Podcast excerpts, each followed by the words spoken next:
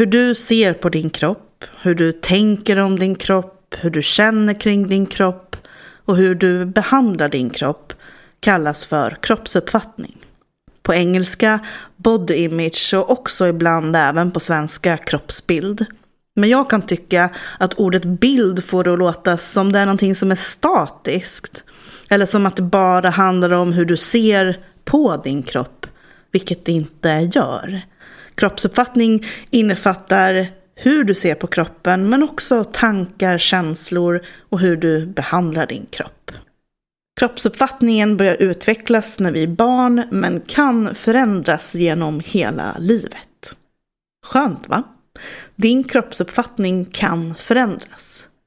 Så även om din kroppsuppfattning är mer negativ idag så kan den bli mer positiv.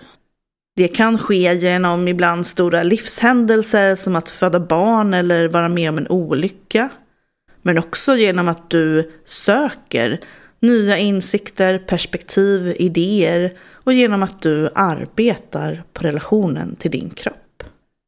Din kroppsuppfattning rör sig på en skala mellan positiv och negativ och kroppsuppfattningen kan vara olika i olika situationer. Det kanske känns fantastiskt att bada i en pool i trädgården med några få vänner.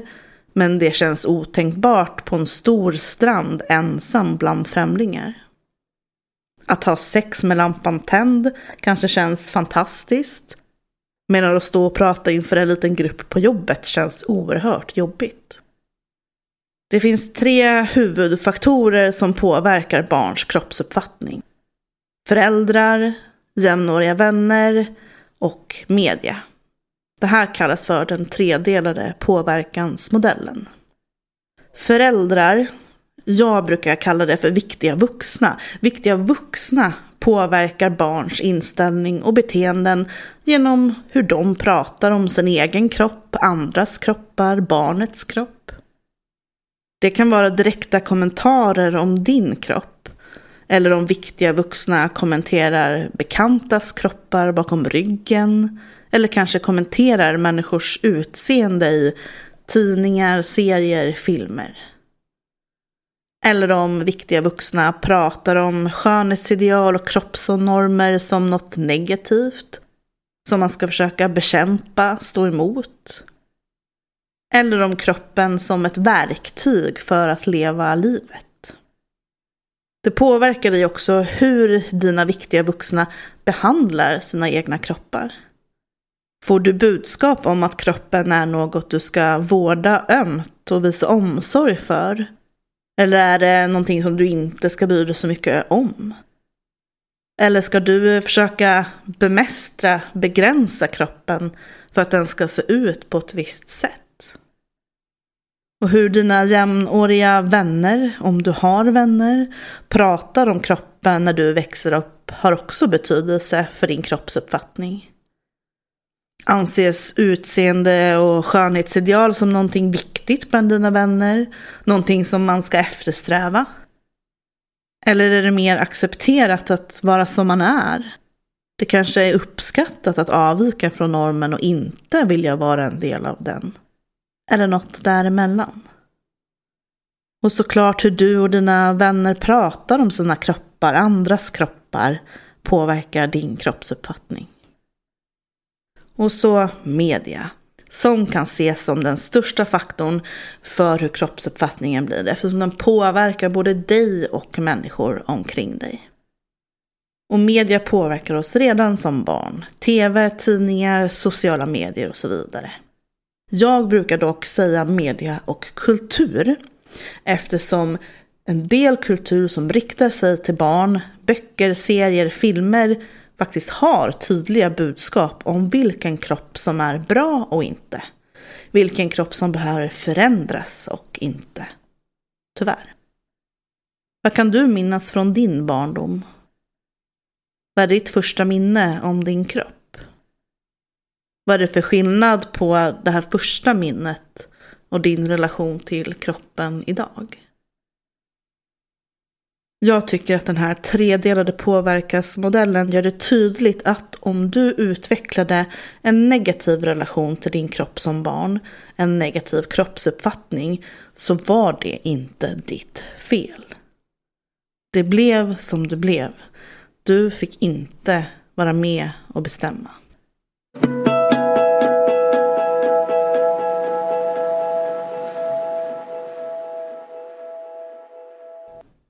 Fenomenet att en smal kropp är eftersträvansvärd och att man borde vidta åtgärder om man är tjock är gammalt. Riktigt gammalt. Vi finner det faktiskt redan i det antika Grekland för sådär 2500 år sedan.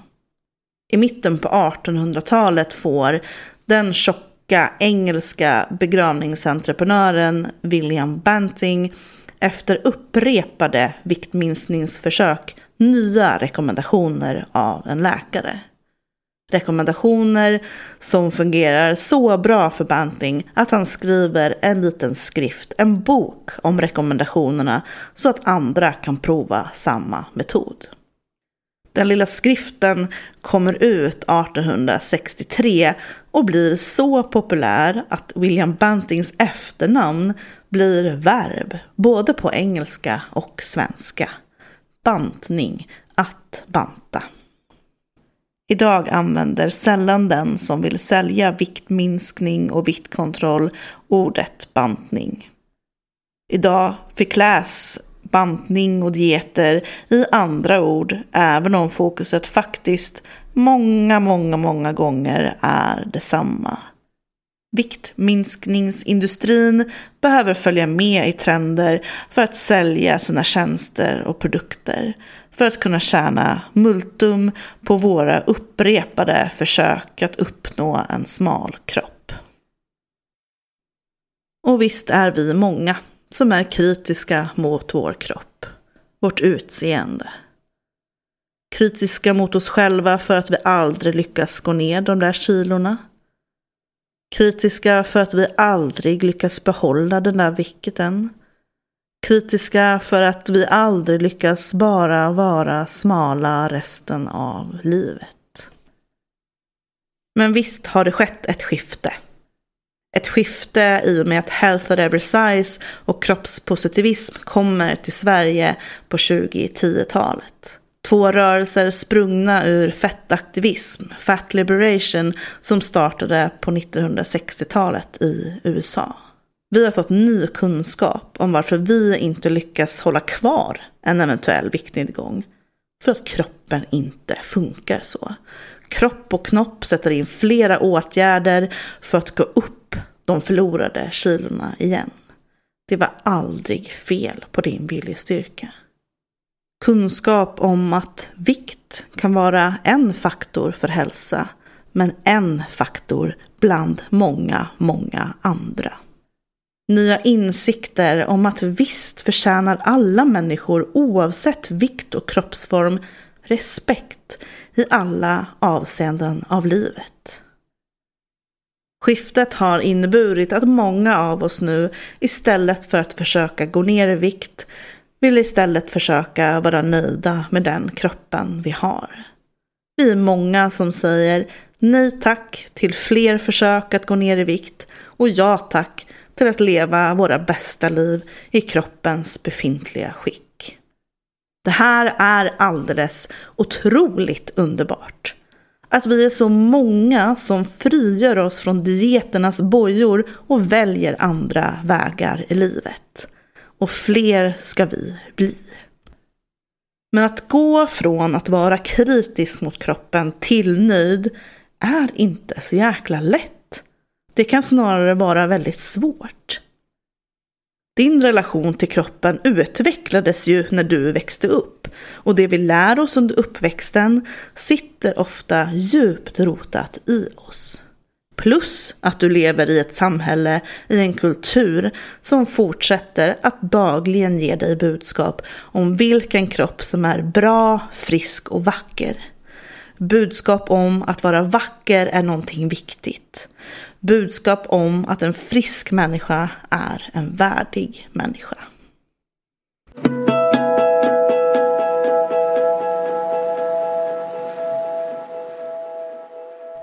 En söndag eftermiddag sitter jag i soffan och läser boken Compassion fokuserad terapi. En bok jag läser till en uppgift i kursen jag går till att bli diplomerad samtalsterapeut med just fokus compassion fokuserad terapi. Jag läser om mental träning och om hur neurovetenskapen har visat att vår hjärna är plastisk. Att den har potential att förändras. Jag läser om hur våra känslomässiga upplevelser påverkar hjärnans struktur. Om vi upplever mycket ilska, skam, ångest så förstärks banorna kopplade till vårt hotsystem. Om vi upplever mycket glädje, känner oss ofta trygga, så förstärks trygghetssystemet. Jag läser om mindfulness, medveten närvaro och dess tre komponenter. Avsiktligt, i nuet och icke-dömande. Icke-dömande, alltså uppmärksamma och acceptera det vi upplever utan att lägga till våra förutfattade meningar eller erfarenheter. Det här får mina tankar att sväva iväg från boken och jag börjar fundera på kroppsacceptans. Vad menas egentligen med det? Har vi en gemensam uppfattning, en klar definition? Jag söker på nätet. Vad är kroppsacceptans? När man accepterar sin kropp? Ja, jo, men vad är det då? Vad innebär det? Vad innebär det att acceptera sin kropp? What is body acceptance? Samma sak där. Body acceptance means that you accept your body. Eller så får jag upp olika tips om hur en uppnår kroppsacceptans utan en egentlig definition av vad det är. Jag ställer frågan på min Instagram och flera av svaren är att inte tänka negativt om sin kropp. Att vara tillfreds med sig själv. Vara neutral inför min kropp älska mig själv, känna ömsint för kroppen. Många av oss tänker helt enkelt att kroppsacceptans handlar om att ha positiva tankar och känslor om kroppen. Eller åtminstone att inte ha negativa tankar och känslor om den. Acceptans är ett knepigt ord. I Acceptance och Commitment Therapy, en annan terapimodell som jag använder mig av i min coaching, använder man inte nödvändigtvis ordet acceptans när man pratar med klienter. Åtminstone inte i början.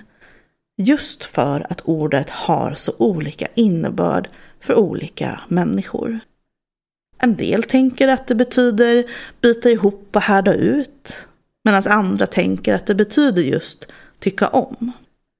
Men oavsett ord så finns det många av oss som har en stark önskan att endast ha positiva tankar och känslor om kroppen, eller åtminstone inte negativa. Och visst hade det varit skönt om det var möjligt. Men att sträva efter att inte ha en viss typ av tankar och känslor innebär oftast att du försöker bekämpa, undvika och kontrollera tankar och känslor. Du kanske äter mer än vad du vill, vad som känns behagligt när tankarna om kroppen dyker upp hos dig. Du kanske inte står ut med tankarna om kroppen så att du börjar på en ny diet för att försöka förändra kroppen istället. Sover dig genom det som är jobbigt, dricker alkohol, försöker trycka undan tankarna, Försöker byta ut de negativa tankarna till mer positiva. Du kanske undviker situationer som framkallar jobbiga tankar och känslor. Undviker simhallen, badstranden, för att det är där det blir som jobbigast. Du vill gärna gå dit men stannar hellre hemma för att undvika det som är jobbigt. Eller du kanske försöker tala dig själv till rätta med hårda ord och en kritisk ton. Skärp dig. Tänk inte sådär. Det där är inte en okej tanke. Sluta tänk så. Eller så kanske du försöker distrahera dig från tankarna genom att scrolla på Instagram, lyssna på en podd, kolla på serier, shoppa, ägna dig åt hudvård. Du gör som du gör när det blir svårt och jobbigt utifrån det som du har fått lära dig hittills i livet. Och du gör som du gör för att du vill må bra. Eller hur? Du längtar efter att få må bra i din egen kropp. Det är bara det att försöka kontrollera, ignorera, bekämpa, undvika tankar och känslor om kroppen oftast bara fungerar bra kortsiktigt. Att det ger dig en tillfällig lättnad, en paus från det som är jobbigt. Men att det långsiktigt kostar dig tid, energi, pengar, relationer, livet du egentligen vill leva. Och att det leder till att du faktiskt får det svårare i livet och att ditt lidande ökar. Om du inte tycker att det kostar dig någonting alls utan fungerar utmärkt att undvika, kontrollera och mota bort det som är jobbigt. Inom acceptance och commitment therapy så är acceptans egentligen en förkortning av acceptans av upplevelser. Inre upplevelser som tankar, känslor, minnen och så vidare. Och att acceptans innebär att du aktivt väljer att låta dig själv känna som du känner i stunden, även det svåra och det jobbiga. Att acceptans innebär att du försöker att inte döma dig själv för vilka tankar du har. Inte heller de negativa eller kritiska. Kort och gott att du förändrar ditt förhållningssätt till dina tankar och känslor. Inte försöker förändra tankarna och känslorna i sig. Det är fullt möjligt att minska de svåra, jobbiga tankarna, känslorna om kroppen. Men det första steget är faktiskt att tillåta dig själv tänka och känna som du gör. Och lära dig ta hand om dig själv i det. Att försöka trycka undan dina negativa tankar om kroppen är lite som att försöka njuta av en dag på stranden samtidigt som du försöker hålla en badboll under vattnet. Visst, det går ju bra ett tag, men snart blir du trött i armarna. Det är också det enda du kan ägna dig åt. Du kan inte njuta av livet eller göra någon rolig aktivitet samtidigt. Och när du inte orkar hålla emot längre så tjong flyger bollen upp och dina tankar om kroppen är där igen. Ofta tillsammans med din självkritiker som säger åt dig att sluta tänka som du gör. Du tänker fel tätt följt av skammen för hur du tänker och känner. Tänk om du istället skulle kunna ha den där badbollen vid sidan av dig. Putta den framåt i vattnet när du simmar. Låt den ligga bredvid dig på stranden när du ligger och läser. Att du liksom skulle kunna tillåta dina tankar om kroppen utan att kämpa emot. Men också utan att de tar över helt en vapenvila med dina tankar. Vi vill så gärna vara nöjda med våra kroppar. Och när de oönskade, missnöjda gamla tankarna dyker upp försöker många av oss tala oss själva till rätta med hårda ord och kritik. Sluta tänk sådär. Nej, nu värderar jag kroppen igen. Oh, jag vet ju att jag mår dåligt av att jämföra mig med andra. Varför kan jag inte bara lägga av? Skärp dig. Varför kan jag inte bara sluta tänka så här? Om du ofta är kritisk och dömande mot dig själv för hur du tänker kring din kropp, vad fyller det för funktion för dig? Någon sorts funktion fyller det, annars så skulle du inte fortsätta. Självkritik är ofta ett försök att kontrollera en situation för att skydda dig själv. Ett försök till att må bättre. Ett försök till att skapa trygghet. Men som ofta får dig att må rätt jäkla dåligt istället. Ofta till och med sämre än du gjorde innan, i början när tankarna om kroppen kom. Vi försöker lösa problemet med de oönskade tankarna med att tala om för oss själva att tankarna vi tänker är fel. Att det är tankar vi inte borde ha. Och så blir det som att hela du är fel. Både knopp och kropp. Både din kropp, både dina tankar och dina känslor. Men det finns ett motgift. Självmedkänsla. Ett nytt sätt att förhålla dig till dina oönskade tankar om kroppen. Att bemöta dig själv som du bemöter en vän som har det svårt. Eller ett barn som kämpar med någonting jobbigt. Att kunna använda den där kloka, varma, visa, vänliga sidan som du använder mot andra, även kunna använda den mot dig själv. När du har det svårt, när du kämpar. När de oönskade tankarna om kroppen kommer. Att få landa mjukt i dig själv istället för att piska upp stämningen med att tala om för dig själv att du tänker fel. Påminna dig själv om att du inte är ensam om att vara missnöjd med din kropp, att du inte är ensam om att vara missnöjd med dina tankar, att det är fler som kämpar som du. Visst, det kan också kännas sorgligt och deppigt och självklart behöver vi förändra vårt samhälle och kultur. Så här ska det inte vara. Men det är helt enkelt inte så konstigt att du tänker och känner som du gör. Och alla kämpar med någonting någon gång i livet. Det är en del av att vara en levande människa. Och att våga vara närvarande med dina tankar och känslor oavsett karaktär. Sluta trycka bort, sluta bekämpa. Börja öppna upp. Börja tillåta. En del tror att självmedkänsla handlar om självömkan och låta sig själv komma undan svåra saker i livet. Lägga sig ner platt och se sig själv som ett offer. Det kan inte vara mer fel. Självmedkänsla innebär absolut värme och omsorg, men också mod.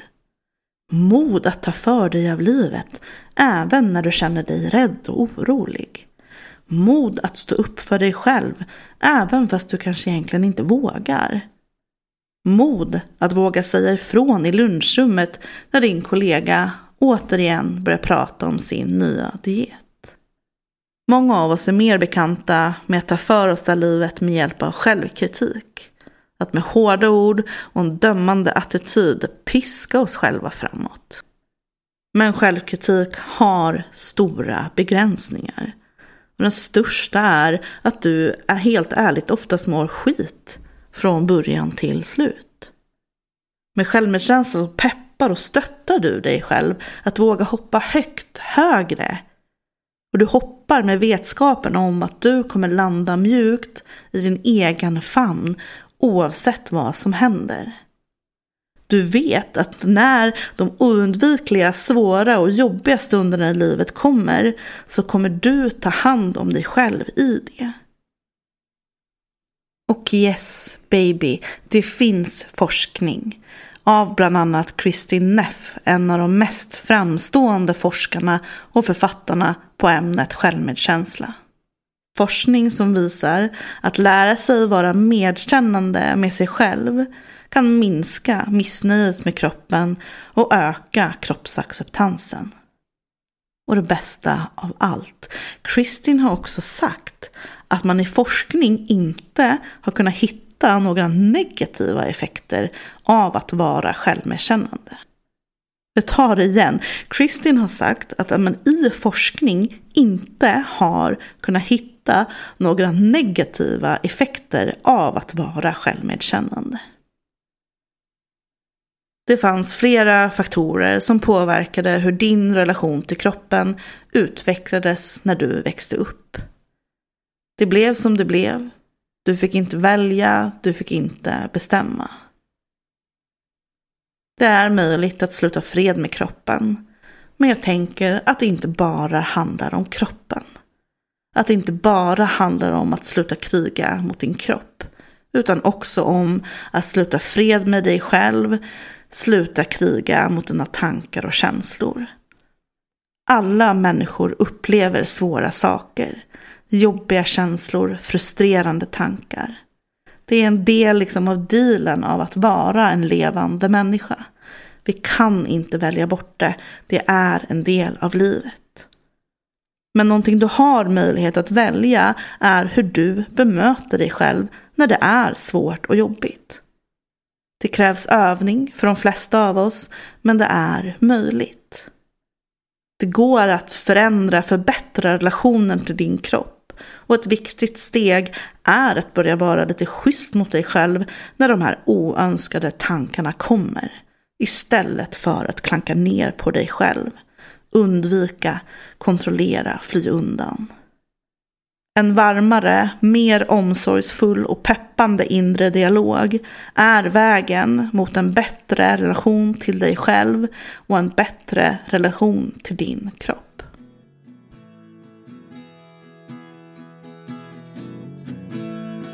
Ja, vägen till en bättre kroppsrelation kan vara både snårig och utmattande. Speciellt om du inte vet vilka vägar du ska ta. Istället för att du ska gå vidare på den här resan och gissa vilken stig du ska ta härnäst så har jag gjort en checklista till dig. En lista där du snabbt och enkelt får koll på vilka delar du behöver mer av för att komma vidare på din resa. Checklistan är gratis och du laddar ner den via länken i min Instagram-profil Släpp tyglarna.